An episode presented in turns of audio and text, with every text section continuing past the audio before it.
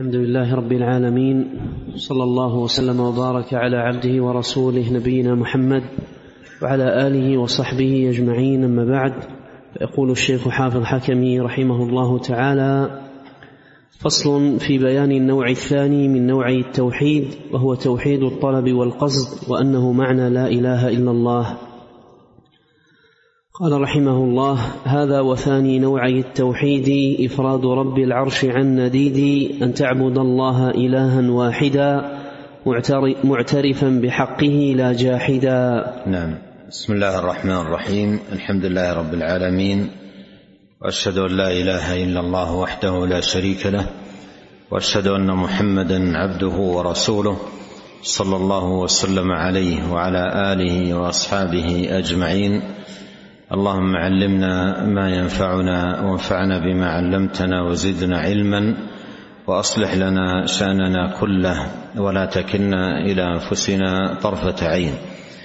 أما بعد فإن المصنف رحمه الله لما أنهى الكلام على توحيد المعرفة والإثبات الذي هو توحيد الربوبية والأسماء والصفات وبسط القول في هذا النوع انتقل إلى الحديث عن النوع الثاني من نوعي التوحيد وهو توحيد الإرادة والطلب. الأول توحيد علمي وهذا توحيد عملي. الأول يراد من العباد فيه معرفة وإثبات. وهذا يراد من العباد فيه إرادة وطلب. الأول علم والثاني عمل. وهذان النوعان من التوحيد هما مقصود الخلق. فالله سبحانه وتعالى خلق الخلق ليعرفوه ويعبدوه.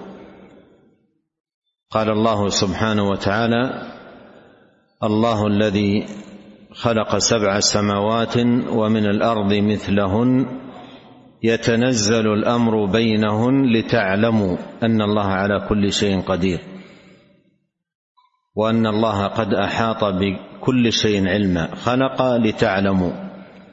وفي سورة الذاريات قال جل وعلا وما خلقت الجن والإنس إلا ليعبدون. فالله خلق الخلق لهذين النوعين من التوحيد العلم والعمل. في الذاريات خلق لتعلموا وفي في الطلاق خلق لتعلموا وفي الذاريات وما خلقت الجن والإنس إلا ليعبدون. الله خلق الخلق للعلم والعمل. وهما توحيدان لا قبول لعمل من الأعمال أو طاعة من الطاعات إلا بهما. فإن دين الإسلام يسمى توحيدا لأن مبناه على توحيد الله ولا قيام له إلا بتوحيد الله. فإذا لم يكن المرء موحدا ربه سبحانه وتعالى بهذين النوعين العلم والعمل لا ينتفع بعباداته كلها. فهما أساس قبول الأعمال. أساس قبول الأعمال وصلاحها وانتفاع العبد بها. ولهذا وجب على كل عبد أن تكون عنايته بهذا التوحيد مقدمة على العناية بكل أمر لأنه أساس فلاحه وسعادته ونجاته في الدنيا والآخرة.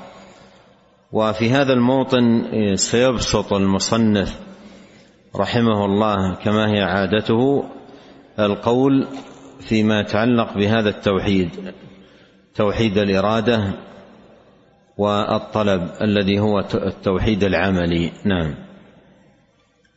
قال رحمه الله تعالى هذا أي الأمر والإشارة إلى ما تقدم من تحقيق النوع الأول من نوعي التوحيد. وثاني نوعي التوحيد هو إفراد رب العرش عن نديد أي شريك مساو وتفسير ذلك هو أن تعبد الله سبحانه وتعالى الها حال من لفظ الجلالة واحدا لا شريك له في إلهيته كما لا شريك له في ربوبيته وأسمائه وصفاته. إفراده سبحانه وتعالى عن النديد قال النديد هو الشريك المساوي ولهذا قال الله سبحانه فلا تجعلوا لله أندادا أي شركاء تسوونهم بالله سبحانه وتعالى في حقوقه على عباده جل في علاه.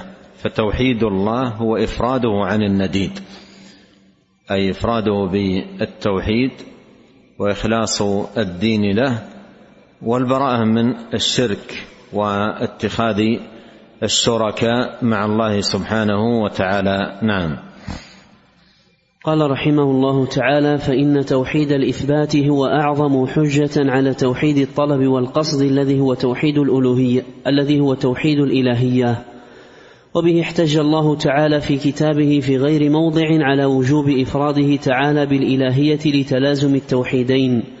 فإنه لا يكون إلها مستحقا للعبادة إلا من كان خالقا رازقا مالكا متصرفا مدبرا لجميع الأمور حيا قيوما سميعا بصيرا عليما حكيما موصوفا بكل كمال منزها عن كل نقص غنيا عما سواه مفتقرا إليه كل ما عداه. فاعلا مختارا لا معقب لحكمه ولا راد لقضائه. ولا يعجزه شيء في السماوات ولا في الأرض ولا يعزب عنه مثقال ذرة في السماوات ولا في الأرض ولا تخفى عليه خافية وهذه صفات الله عز وجل لا تنبغي إلا له ولا يشركه فيها غيره ولا يشركه. ولا يشركه فيها غيره فكذلك لا يستحق العبادة إلا هو ولا تجوز لغيره فحيث كان متفردا بالخلق والإنشاء والبدء والإعادة لا يشركه في ذلك أحد وجب إفراده بالعبادة دون من سواه. لا يشرك معه في عبادته أحد كما قال تعالى يا أيها الناس اعبدوا ربكم الذي خلقكم والذين من قبلكم لعلكم تتقون. الذي جعل لكم الأرض فراشا والسماء بناء وأنزل من السماء ماء فأخرج به من الثمرات رزقا لكم فلا تجعلوا لله أندادا وأنتم تعلمون. نعم هذا كلام عظيم جدا يعني في التقديم بين يدي الحديث عن توحيد العبادة. يشير فيه رحمه الله إلى أن ما سبق فيما يتعلق بتوحيد المعرفة والإثبات هذا يعد أعظم حجة وبرهان على توحيد العبادة لأن معرفة الله سبحانه وتعالى جل في علاه بالتفرد بالخلق والرزق والإنعام والتصرف والتفرد بالصفات الكاملة والنعوت العظيمة هذا أعظم البراهين على وجوب إفراده بالعبادة. فكما أنه وحده سبحانه لا شريك له في صفاته ولا شريك له في ربوبيته فإن الواجب أن لا يجعل معه شريكا في عبادته ولا يتخذ معه سبحانه وتعالى الشركاء. ولهذا قال العلماء بين هذين التوحيدين تلازم توحيد المعرفة والإثبات وتوحيد الإرادة والطلب. فمن عرف الله سبحانه وتعالى بالتفرد بالربوبية والأسماء والصفات وجب عليه أن يفرده بالعبادة لأن من لازم معرفته بالتفرد بالربوبية أن يفرد سبحانه وتعالى وحده تبارك وتعالى في العبادة. فكما أنه لا رب إلا الله ولا خالق إلا هو ولا مدبر إلا هو فلا معبود بحق سواه. كما قال جل وعلا وأنا ربكم فاعبدون. وأنا ربكم أي تفردت في الربوبية لا شريك لي في ذلك فاعبدون أي أفردوني في العبادة لا تجعلوا معي شركاء فيها. وكثيرا ما يأتي في القرآن الكريم الاستدلال بتوحيد الربوبية وكذلك الاستدلال بتوحيد الأسماء والصفات على توحيد العبادة. ووجوب إفراده سبحانه وتعالى بالعبادة. والمصنف رحمه الله سيسوق أدلة كثيرة جدا ويطيل في آه، آه، ذكرها وإيرادها لما هذا الأمر من أهمية بالغة وعظيمة. وبدأ بهذه الآية من سورة البقرة. فيها يقول الله سبحانه وتعالى يا أيها الناس اعبدوا ربكم اعبدوا ربكم. وهذا أول أمر تراه عندما تقرأ المصحف. أول أمر تراه في القرآن عندما تقرأ المصحف من أوله يا أيها الناس اعبدوا ربكم. وهو أمر بالتوحيد لأن كل أمر بالعبادة فهو أمر بالتوحيد. لأن العبادة لا تكون عبادة صحيحة مقبولة إلا بالتوحيد فكل أمر بالعبادة أمر بالتوحيد. فالتوحيد هو أساس قبول العبادة لا تكون مقبولة إلا به فكل أمر بها أمر بتوحيد الله بالعبادة. ولهذا ينقل عن ابن عباس رضي الله عنهما أنه قال كل أمر بالعبادة أمر بالتوحيد. كل أمر بالعبادة أمر بالتوحيد. فهذا أول أمر في القرآن. اعبدوا ربكم. أول أمر في القرآن أمر بتوحيد الله بالعبادة وإخلاص الدين له. يا أيها الناس اعبدوا ربكم. ثم ذكر عقب الأمر بالعبادة البراهين عليها والدلائل. قال الذي خلقكم والذين من قبلكم. أي الذي تفرد بخلقكم وبخلق من قبلكم. لا شريك له في الخلق.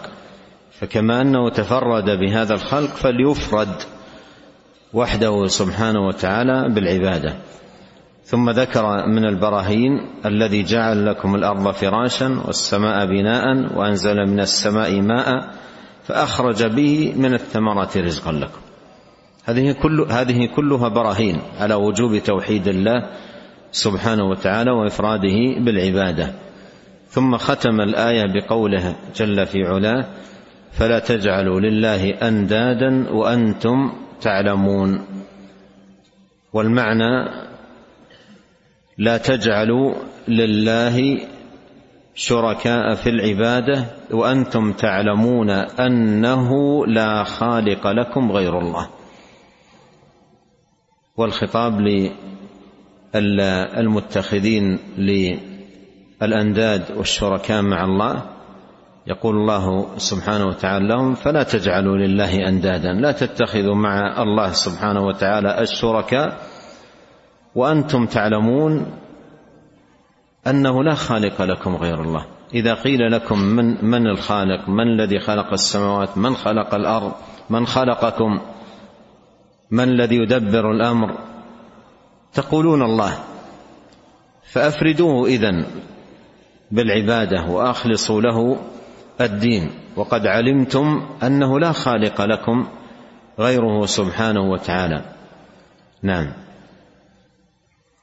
قال رحمه الله تعالى وقال تبارك وتعالى قل من يرزقكم من السماء والأرض امن يملك السمع والأبصار ومن يخرج الحي من الميت ويخرج الميت من الحي ومن يدبر الأمر فسيقولون الله فقل أفلا تتقون فذلكم الله ربكم الحق فماذا بعد الحق إلا الضلال فانى تصرفون إلى قوله قل هل من شركائكم من يبدأ الخلق ثم يعيده قل الله يبدأ الخلق ثم يعيده فانى تؤفكون قل هل من شركائكم من يهدي إلى الحق قل الله يهدي للحق أفمن يهدي إلى الحق أحق أن يتبع أم من لا يهدي إلا أن يهدى؟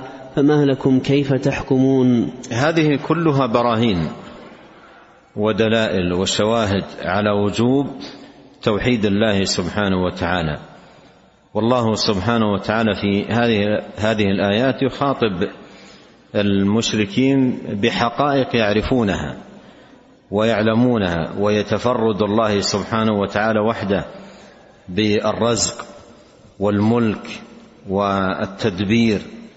لا شريك له في شيء من ذلك. فيقال لهم في هذا السياق الكريم كيف تتخذون مع الله الشركاء وأنتم تعرفون وتعلمون تفرده بالخلق والرزق والتدبير وأنه لا شريك له سبحانه وتعالى في شيء من ذلك. ولهذا جاء في هذا السياق أفلا تتقون؟ فأنا تصرفون؟ فأنا تؤفكون؟ أي باتخاذكم الأنداد والشركاء مع الله سبحانه وتعالى مع علمكم أن الله سبحانه وتعالى وحده هو المتفرد بالخلق والرزق والتدبير ليس له شريك في ذلك. نعم. وقال تعالى إن ربكم الله الذي خلق السماوات والأرض في ستة أيام ثم استوى على العرش يدبر الأمر ما من شفيع إلا من بعد إذنه. ذلكم الله ربكم فاعبدوه أفلا تذكرون. إليه مرجعكم جميعا وعد الله حقا. إنه يبدأ الخلق ثم يعيده ليجزي الذين آمنوا وعملوا الصالحات بالقسط. والذين كفروا لهم شراب من حميم وعذاب أليم بما كانوا يكفرون. هو الذي جعل الشمس ضياء والقمر نورا وقدره منازل لتعلموا عدد السنين والحساب. ما خلق الله ذلك إلا بالحق. يفصل الآيات لقوم يعلمون.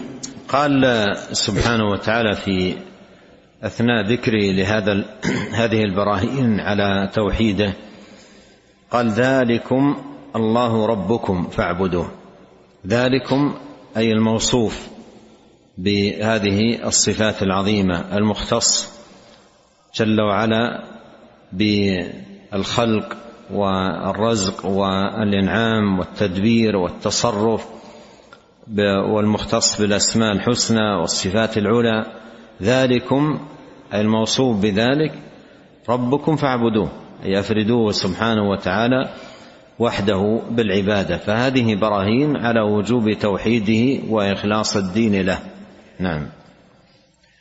قال تعالى إن ربكم الله الذي خلق السماوات والأرض في ستة أيام ثم استوى على العرش. يغشي الليل النهار يطلبه حثيثا والشمس والقمر والنجوم مسخرات بأمره. ألا له الخلق والأمر تبارك الله رب العالمين. وقال تعالى الحمد لله الذي خلق السماوات والأرض وجعل الظلمات والنور ثم الذين كفروا بربهم يعدلون.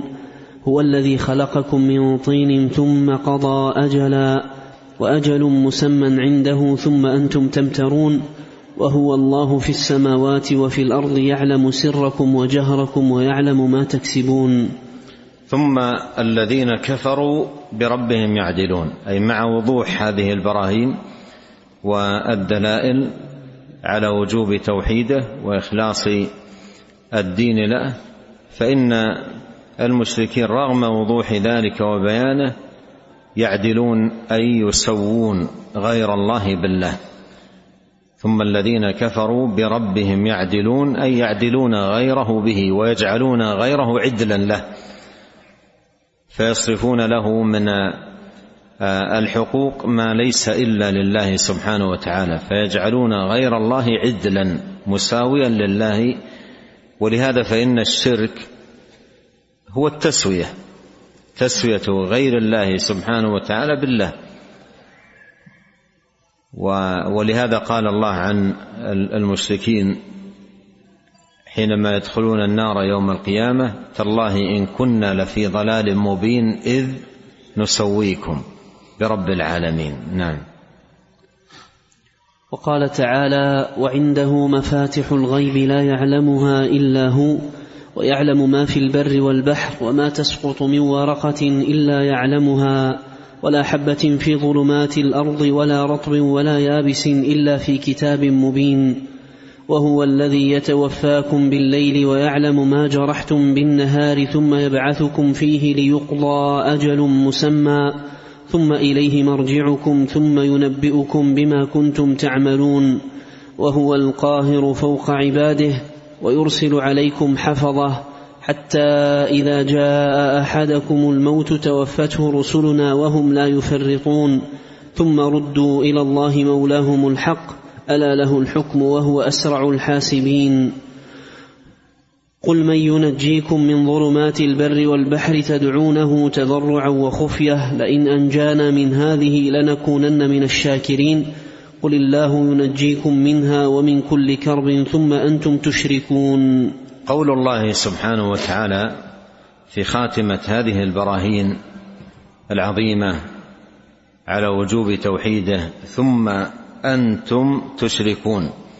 هذا نظير ما تقدم في الآيات التي قبله ثم الذين كفروا بربهم يعدلون. يعني مع وضوح البراهين وكثرتها وتنوعها وتعددها إلا أن أهل الشرك قد عدلوا غير الله به وسووا غيره به واتخذوا معه سبحانه وتعالى آه، الشركاء والأنداد. نعم. قال تعالى قل أغير الله أبغي ربا وهو رب كل شيء ولا تكسب كل نفس إلا عليها ولا تزر وازرة وزر أخرى. ثم إلى ربكم مرجعكم فينبئكم بما كنتم فيه تختلفون. وهو الذي جعلكم خلائف الأرض إلى آخرها.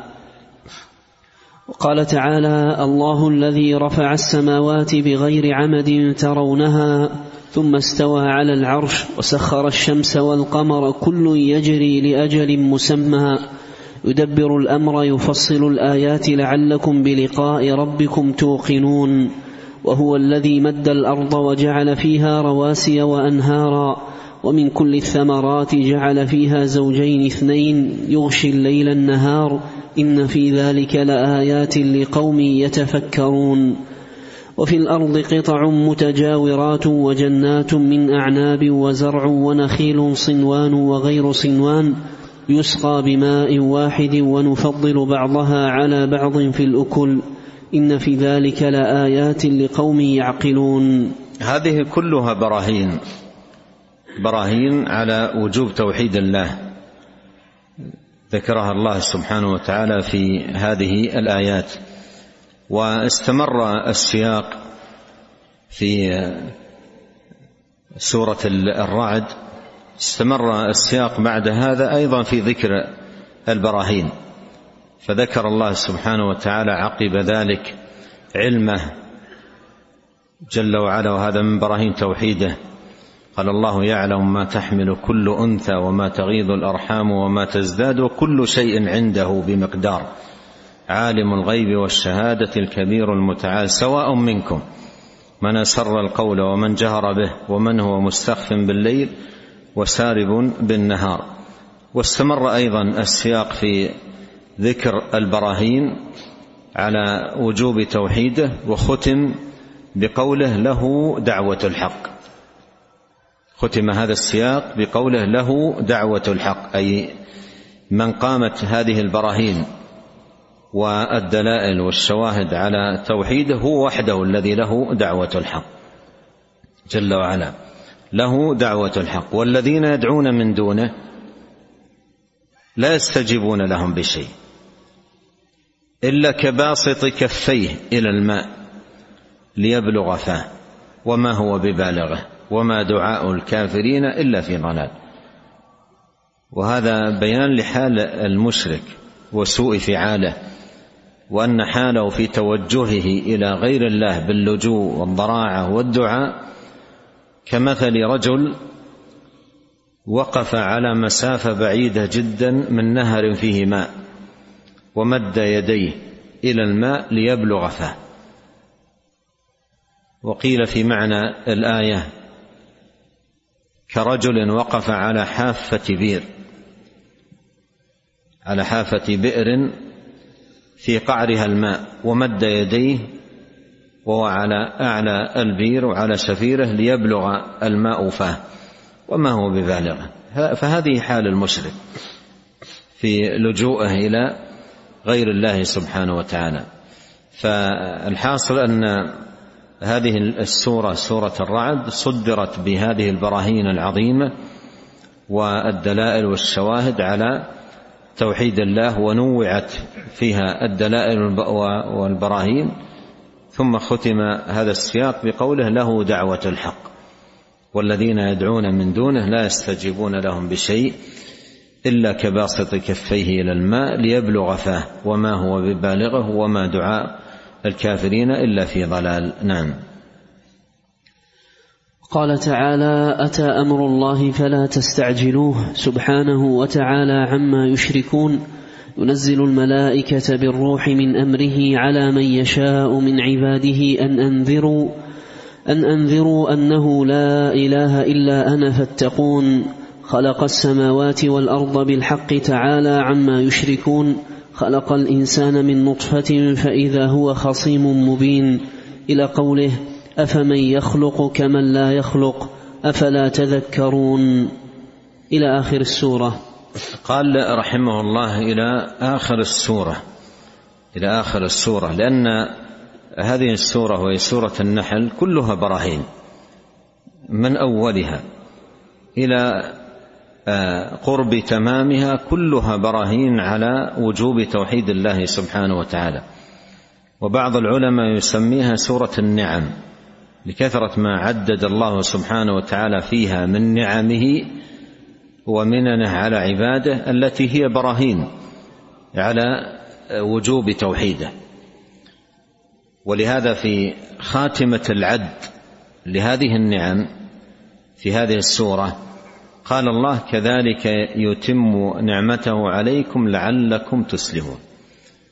هذا هذا الغرض والقصد من عد هذه البراهين أن تسلموا لله وتخلصوا دينكم له سبحانه وتعالى بالعبادة وتفردوه في بالتوحيد.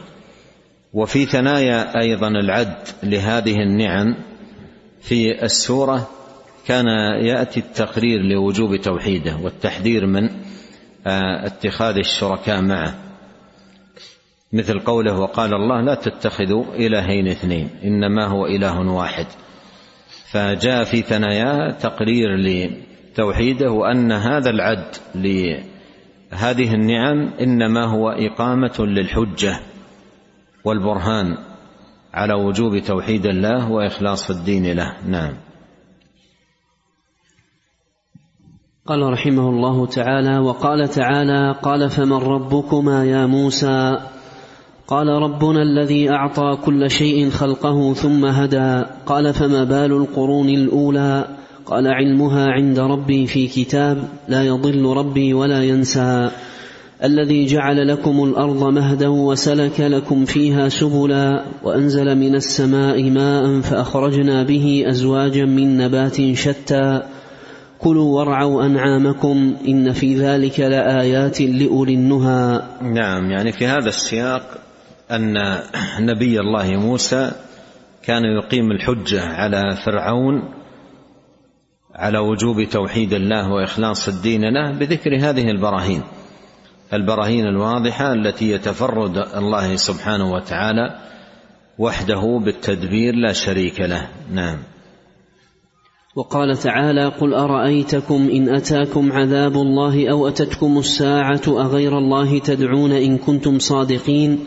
بل إياه تدعون فيكشف ما تدعون إليه إن شاء وتنسون ما تشركون. هذا برهان عظيم من براهين توحيد الله سبحانه وتعالى أن المشرك المتخذ للأنداد مع الله جل في علاه إذا جاءته آه، الشدة لم يلجأ إلا إلى الله. فيقال في إقامة البرهان على المشرك بهذا النوع من الحجة كما أنك في شدتك لا تلجأ إلا إلى الله فكن كذلك في رخائك.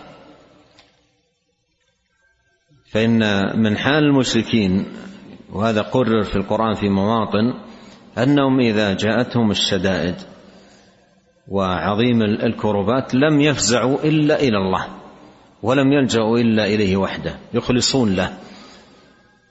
وإذا كانوا في الرخاء أشركوا واتخذوا الأنداد فإذا ركبوا في الفلك دعوا الله مخلصين له الدين. فلما نجاهم إلى البر إذا هم يشركون. مع أن الله سبحانه وتعالى قدير عليهم في البر والبحر. قدير عليهم أينما كانوا. ونقمة الله سبحانه وتعالى وعقوبته على من شاء تحل به أينما كان. لا يردها كونه في بر أو في بحر. ولهذا العبد لا غنى له عن ربه طرفة عين لا في رخائه ولا في شدته لا في عسره ولا في يسره هو فقير إلى الله في كل أحواله.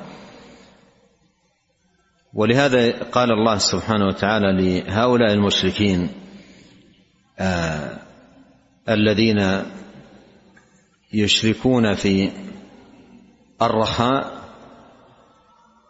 ويخلصون في الشدة. قال عز وجل ربكم الذي يزجي لكم الفلك في البحر لتبتغوا من فضله. إنه كان بكم رحيما. وإذا مسكم الضر في البحر ظل من تدعون إلا إياه. ظل من تدعون إلا إياه مثل ما عندنا في هذه الآية وتنسون ما تشركون. مثل ما عندنا في هذه الآية وتنسون يعني في الشدة تنسون الشركاء ما يتم في ذهنكم ابدا. لا يبقى في ذهنكم إلا الله مخلصين له. هذا في حال شدتكم. ظل من تدعون إلا إياه. فلما نجاكم إلى البر أعرضتم. أي عن الله باتخاذ الشركاء معه. وكان الإنسان كفورا. أفأمنتم أن يخسف بكم جانب البر؟ الآن أنتم في البر وسلمتم من الغرق واطمأننتم فعدتم إلى الشرك. أفأمنتم أن يخسف بكم جانب البر أو يرسل عليكم حاصبا يعني ريحا قوية تحمل حصباء فتهلككم. أفأمنتم أن يخسف بكم جانب البر أو يرسل عليكم حاصبا ثم لا تجدوا لكم وكيلا؟ أم أمنتم أن يعيدكم فيه تارة أخرى أي البحر لغرض آخر في رحلة أخرى فيرسل عليكم قاصفا من الريح. فيغرقكم بما كفرتم ثم لا تجدوا لكم علينا به تبيعا. ما الذي يؤمنكم من عقوبة الله سبحانه وتعالى وبطشه؟ وأنتم لا غنى لكم عنه. طرفة عين لا في بر ولا في بحر. لا في جو ولا في أرض لا في عسر ولا في يسر. فهذا من البراهين العظيمة على وجوب توحيد الله سبحانه وتعالى. وإخلاص الدين له. قل أرأيتم؟ أي تأملوا وتفكروا. إن أتاكم عذاب الله. أو أتتكم الساعة. أقبل عليكم العقاب. أو جاءكم الموت. ومن جاءه الموت فقد جاءت ساعته ومنيته. في هذه الحالة أغير الله تدعون؟ أغير الله الخطاب لأهل الشرك والمتخذين الأنداد مع الله. أغير الله تدعون؟ هل في هذه الحالة تدعون مع الله أندادكم وأوثانكم وأصنامكم؟ أغير الله تدعون إن كنتم صادقين؟ بل إياه تدعون في تلك الشدائد والكربات فيكشف ما تدعون إليه إن شاء وتنسون ما تشركون. فالحاصل أن هذا من أنواع البراهين وإقامة الحجة على المشرك في في وجوب توحيد الله أن يقال له أنت. في شدائدك لا تلجأ إلا إلى الله. مخلصا دينك له. ثم إذا آه، نجاك الله تعود لشركك أنت لا غنى لك عن الله لا في رخاء ولا في شدة. مثل ما موضح في الآيات التي مرت. نعم. قال رحمه الله تعالى وقال تعالى وإذا مس الإنسان الضر دعانا لجنبه أو قاعدا أو قائما فلما كشفنا عنه ضره مر كأن لم يدعنا إلى ضر مسه كذلك زين للمسرفين ما كانوا يعملون. نعم البرهان هنا نظير البرهان في السياق الذي قبله. نعم. وقال تعالى هو الذي يسيركم في البر والبحر حتى إذا كنتم في الفلك وجرين بهم بريح طيبة وفرحوا بها جاءتها ريح عاصف وجاءهم الموج من كل مكان وظنوا أنهم أحيط بهم. دعوا الله مخلصين له الدين لئن أنجيتنا من هذه لنكونن من الشاكرين. فلما أنجاهم إذا هم يبغون في الأرض بغير الحق يا أيها الناس إنما بغيكم على أنفسكم متاع الحياة الدنيا ثم إلينا مرجعكم فننبئكم بما كنتم تعملون. سبحان الله العجيب من حال المشركين أنهم في في مثل هذه الشدائد يتواصون بالإخلاص. يوصي بعضهم بعضا بالإخلاص. حتى إنهم ليقول بعضهم أخلصوا لا ينجيكم إلا الإخلاص. يعني أخلصوا اللجوء. ولهذا يذكر في آه، في في في قصة إسلام عكرمة ابن أبي جهل وهو ممن أهدر النبي صلى الله عليه وسلم آه، دمهم لما فتح مكة. لكن أراد الله سبحانه وتعالى له خيرا ففر وركب البحر. ولما ركبوا ركب البحر أدركهم الغرق. فصار يهتف بعضهم ببعض أخلصوا فلا ينجيكم إلا الإخلاص. قال في نفسه لئن كان لا ينجيني إلا الإخلاص. في في في في, البر في البحر فلا ينجيني في البر إلا الإخلاص. أو كلاما هذا معناه. لله علي عهد. إن نجاني الله لأذهبن إلى محمد صلى الله عليه وسلم ولأضعن يدي بيده. وجاء نجاه الله وجاء إلى النبي صلى الله عليه وسلم وأعلن إسلامه. فهذا من البراهين. ومن وفقه الله مثل عكرمة ومن وفقه الله للتفكر في هذا البرهان يهديه بإذن الله عز وجل إلى الإخلاص إخلاص الدين لله جل في علاه. نعم. قال رحمه الله تعالى وقال تعالى أولم يرى الذين كفروا أن السماوات والأرض كانتا رتقا ففتقناهما وجعلنا من الماء كل شيء حي أفلا يؤمنون؟ وجعلنا في الأرض رواسي أن تميد بهم وجعلنا فيها فجاجا سبلا لعلهم يهتدون؟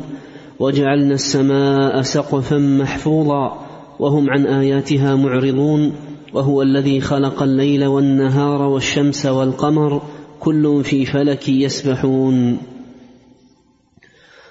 وقال تبارك وتعالى قل, قل لمن الأرض ومن فيها إن كنتم تعلمون. سيقولون لله قل أفلا تذكرون. قل من رب السماوات السبع ورب العرش العظيم. سيقولون لله قل أفلا تتقون.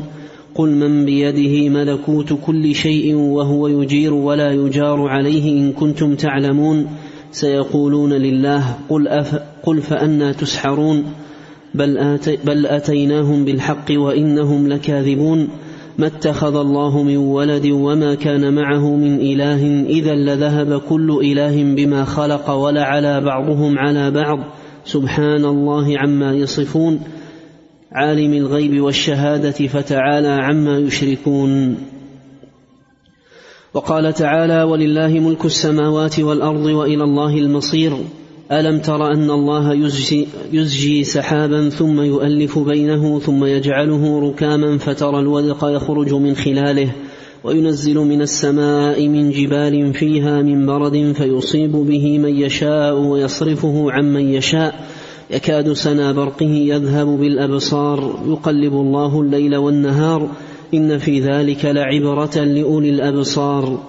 والله خلق كل دابة من ماء فمنهم من يمشي على بطنه ومنهم من يمشي على رجلين ومنهم من يمشي على أربع. يخلق الله ما يشاء إن الله على كل شيء قدير. وقال تعالى أولم يروا إلى الأرض كم أنبتنا فيها من كل زوج كريم؟ إن في ذلك لآية. وما كان أكثرهم مؤمنين. وإن ربك لهو العزيز الرحيم. وقال تعالى قل الحمد لله وسلام على عباده الذين اصطفى. آه الله خير اما يشركون. إلى قوله أمن يبدأ الخلق ثم يعيده ومن يرزقكم من السماء والأرض أإله مع الله قل هاتوا برهانكم إن كنتم صادقين نعم يعني في هذا السياق ذكر الله سبحانه وتعالى براهين متنوعة على وجوب توحيده سبحانه وتعالى وإخلاص الدين له. بدءا من قوله قل الحمد لله وسلام على عباده الذين اصطفى الله خير اما يشركون. إلى قوله سبحانه أمن يبدأ الخلق ثم يعيده ومن يرزقكم من السماء والأرض أإله مع الله؟ قل هاتوا برهانكم إن كنتم صادقين. وعقب كل آية من هذه الآيات المتوالية في هذه السورة في ذكر البراهين على توحيد الله يذكر عقب كل برهان مثل هذه الخاتمة. أإله مع الله. في الآية الأولى منها ختمها بقوله أإله مع الله. بل هم قوم يعدلون أي يتخذون مع الله سبحانه وتعالى الشركاء والأنداد والآية التي تليها أيضا ختمها سبحانه وتعالى بقوله أإله مع الله بل أكثرهم لا يعلمون والتي بعدها ختمها بقوله أإله مع الله قليلا ما تذكرون والتي بعدها ختمها بقوله أإله مع الله تعالى الله عما يشركون. والأخيرة ختمها بقوله سبحانه وتعالى أإله مع الله آه، آه، قل هاتوا برهانكم إن كنتم صادقين. فهذه كلها براهين ودلائل على وجوب توحيد الله سبحانه وتعالى تنوعت في هذا السياق المبارك. واستمر المصنف رحمه الله تعالى يعدد ويذكر البراهين على وجوب توحيد الله وإخلاص الدين له. ولعلنا نكتفي بهذا ونستكمل آه، في اللقاء القادم بإذن الله عز وجل. نسأل الله الكريم أن ينفعنا بما علمنا وأن يزيدنا علما وتوفيقا وان يصلح لنا شأننا كله والا يكلنا إلى أنفسنا طرفة عين وأن يغفر لنا ولوالدينا ولمشايخنا وولاة أمرنا وللمسلمين والمسلمات والمؤمنين والمؤمنات الأحياء منهم والاموات سبحانك اللهم وبحمدك أشهد أن لا إله إلا أنت أستغفرك وأتوب إليك. اللهم صل وسلم على عبدك ورسولك نبينا محمد وآله وصحبه. جزاكم الله خيرا.